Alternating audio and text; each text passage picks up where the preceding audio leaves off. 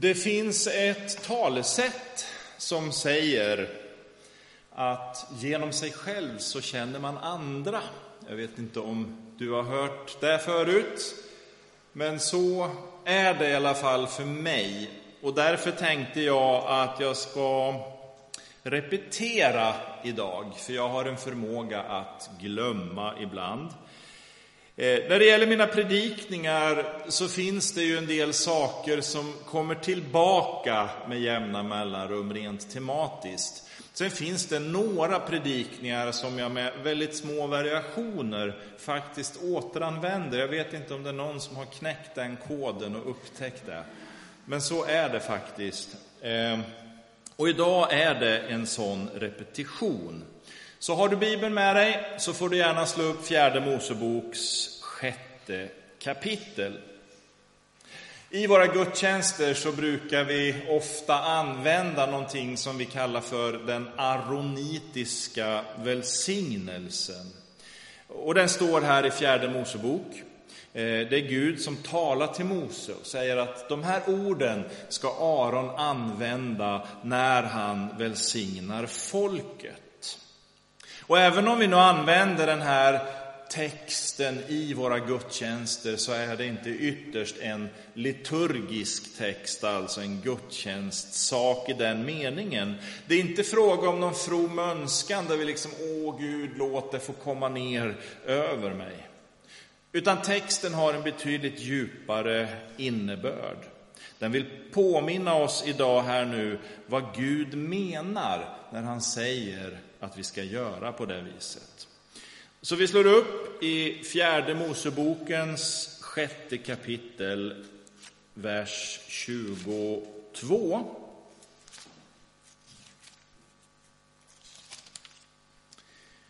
Och framåt. Herren talade till Mose, han sa Säg till Arons söner, när ni välsignar Israels barn ska ni säga till dem, Herren välsigne dig och bevare dig. Herren låter sitt ansikte lysa över dig och vare dig nådig. Herren vände sitt ansikte till dig och give dig frid. På detta sätt ska du lägga mitt namn på Israels barn och jag skall då välsigna dem. Herre, vi tackar dig för de här orden. Öppna våra ögon för skriftens rikedom. I Jesu namn. Amen. Förra helgen firade vi pingst. Och nyckelordet i min predikan då var ifrån första kapitlet i Apostlagärningarna, den åttonde versen, som sa att vi ska beklädas med den heliga Andes kraft och gå ut med vittnesbördet i hela världen om Jesus. Han, Jesus, knöt ett löfte till den här uppmaningen. Om ni går så är jag med er. Och det tycker jag är gott att påminnas om. Jag, du, vi är inte ensamma som församling. Den helige Ande är en gåva från Gud och han har bistått församlingen genom seklerna. Och den tanken tar vi nu med oss in den här dagen när vi läser och tänker i den här texten att Gud ska välsigna du som har hört mig många gånger har säkert hört att jag har citerat Calvin som säger att Guds välsignelse är Guds godhet i handling. Och jag tycker det är den bästa av definitioner. Guds välsignelse är Guds godhet i handling. Och backar vi nu till förra söndagen och rör oss vid texterna kring pingsten så ser vi ju att det är ju sant. Gud lät sin handling aktivt verka ibland församlingen.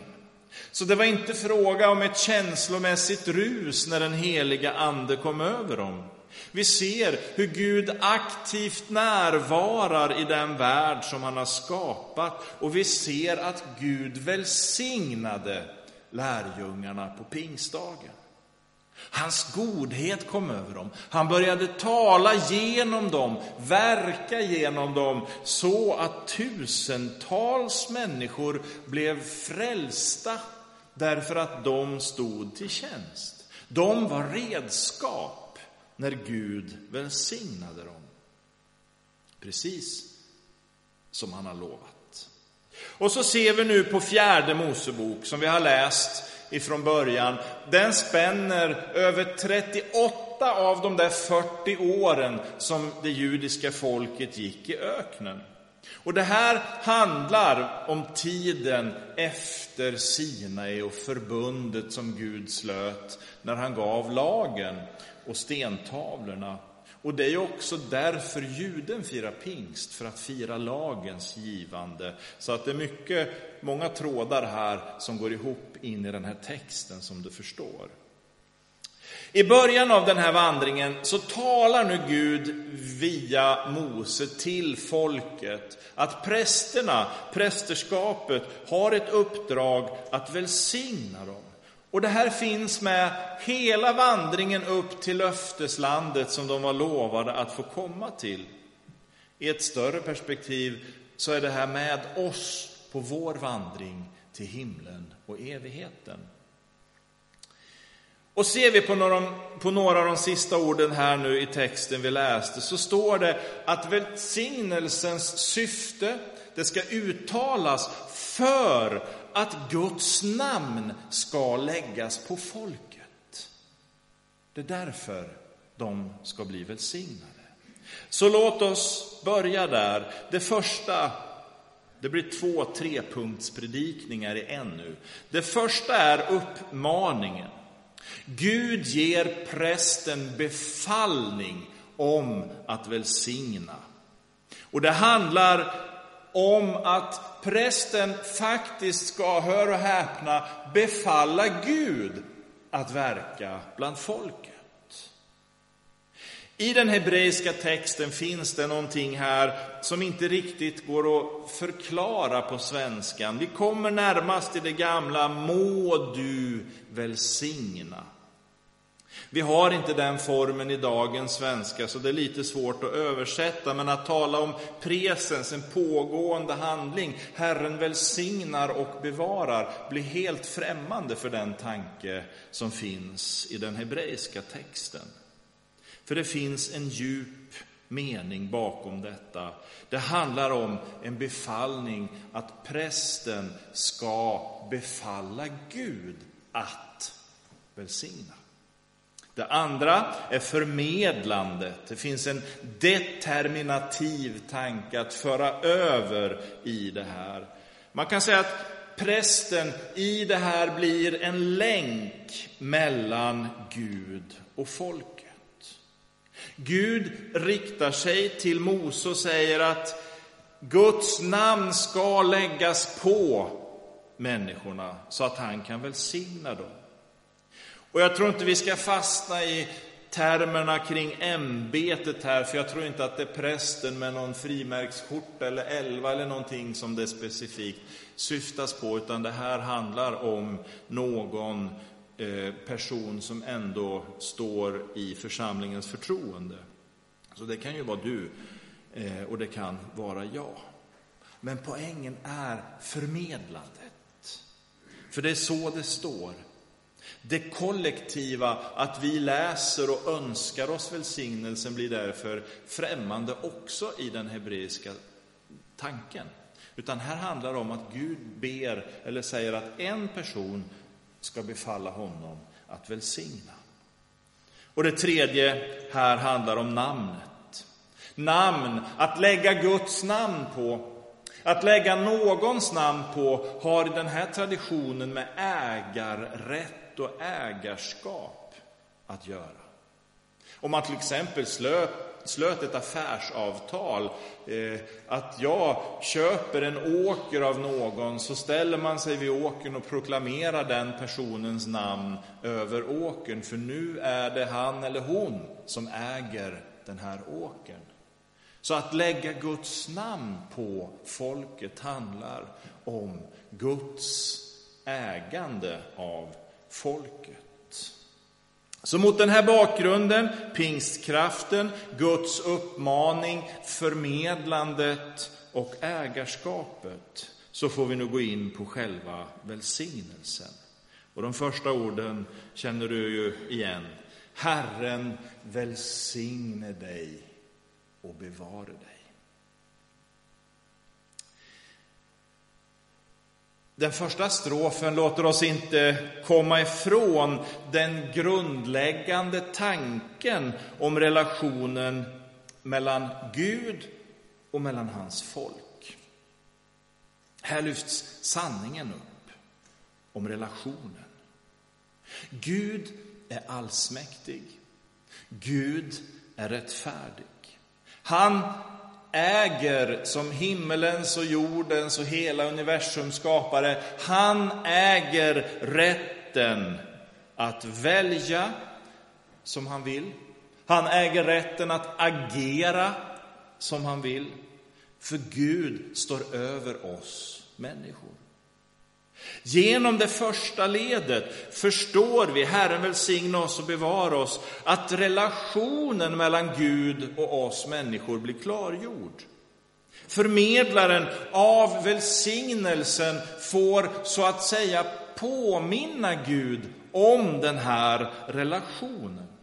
Ungefär som att regnbågen som så vackert ser mot oss efter ett regn är inte ett tecken, utan det är en påminnelse till Gud om hans nåd och hans barmhärtighet. På den grunden påminner vi oss nu, och vi får påminna Gud om det som Calvin också sa, Guds välsignelse är Guds godhet i handling. Det är ingen from önskan. Det är en konkret och verklighet, en konkret verklighet. Så inledningen, när förmedlaren nu står där mellan Gud och människan, är att nu ska Guds godhet komma över oss till beskydd, såväl som till en sund framgång. Det första ledet handlar om relationen mellan Fadern och folket. Herren låter sitt ansikte lysa över dig och vare dig nådig. För att förstå det så kan vi gå till en händelse när Mose kommer ner ifrån berget Sinai. Du vet att där uppe hade han mött Gud på ett så påtagligt sätt att det står att när han kom ner så utstrålade han sådan stark härlighet ifrån Gud att de fick höja, hänga en slöja framför hans ansikte. De fick beslöja honom inför folket och det finns många aspekter på det. Men rent konkret förstår vi att Gud genom det här vill göra sin närvaro känd för folket genom att utstråla härligheten.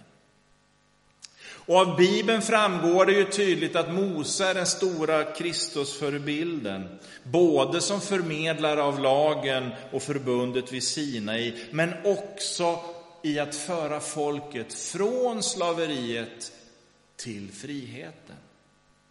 Hebreerbrevet 1 och 3 förkunnar att Jesus utstrålar Faderns härlighet och uppehåller hans väsen genom sitt mäktiga ord.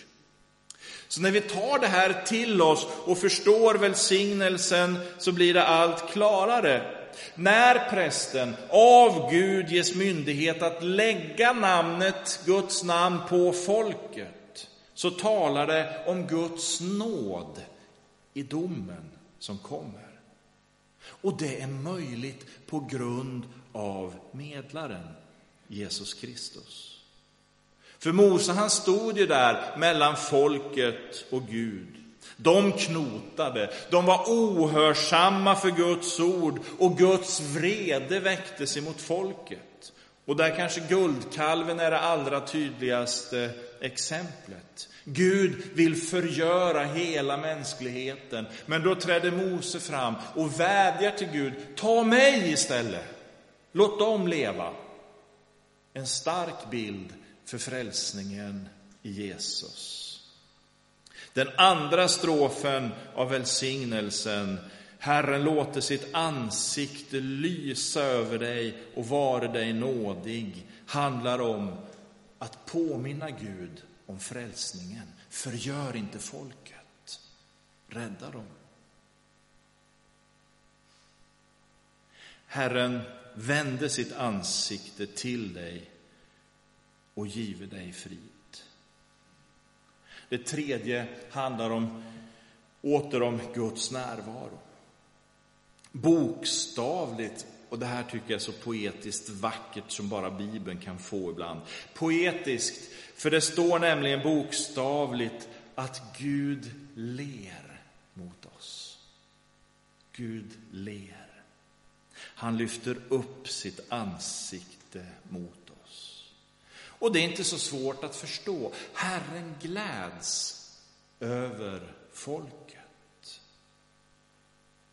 Vi kan vara kortsiktiga, vi kan ha lätt för att ge upp, men Gud är Gud och inte människa. Trofast är han emot oss. Han viker inte ifrån sina löften. Evigt står han fast vid dem. Och närvaron i vår värld handlar om den helige Ande som vägleder oss, som uppmuntrar oss, som inspirerar oss och som utrustar. Och så förstår vi, när vi knyter ihop de här tankarna, att välsignelsen är inte bara fromma ord som uttalas i församlingens gudstjänst eller i någon annan samling. Det är ingen from önskan. För när förmedlaren står där i biblisk mening lägger han namnet, Guds namn på folket. För att han konkret och praktiskt är i gemenskapen. Det handlar om livet. Det handlar om den verklighet som säger att Gud vill ta aktiv del i våra liv, för han älskar oss. Idag är det heliga trefaldighetsdag och det handlar ju om treenigheten och därför passar det också att tala om den aronitiska välsignelsen. Herren välsigna oss och bevara oss handlar om gemenskapen med Fadern. Herren låter sitt ansikte lysa över oss och vara oss nådig, handlar om frälsningen i Jesus. Herren vände sitt ansikte till oss och give oss frid, handlar om Guds närvaro i våra liv genom den helige Ande. Konkret, aktivt, verkar Gud när förmedlaren talar. Så det är inte ytterst du och jag som ska förhålla oss till de här orden.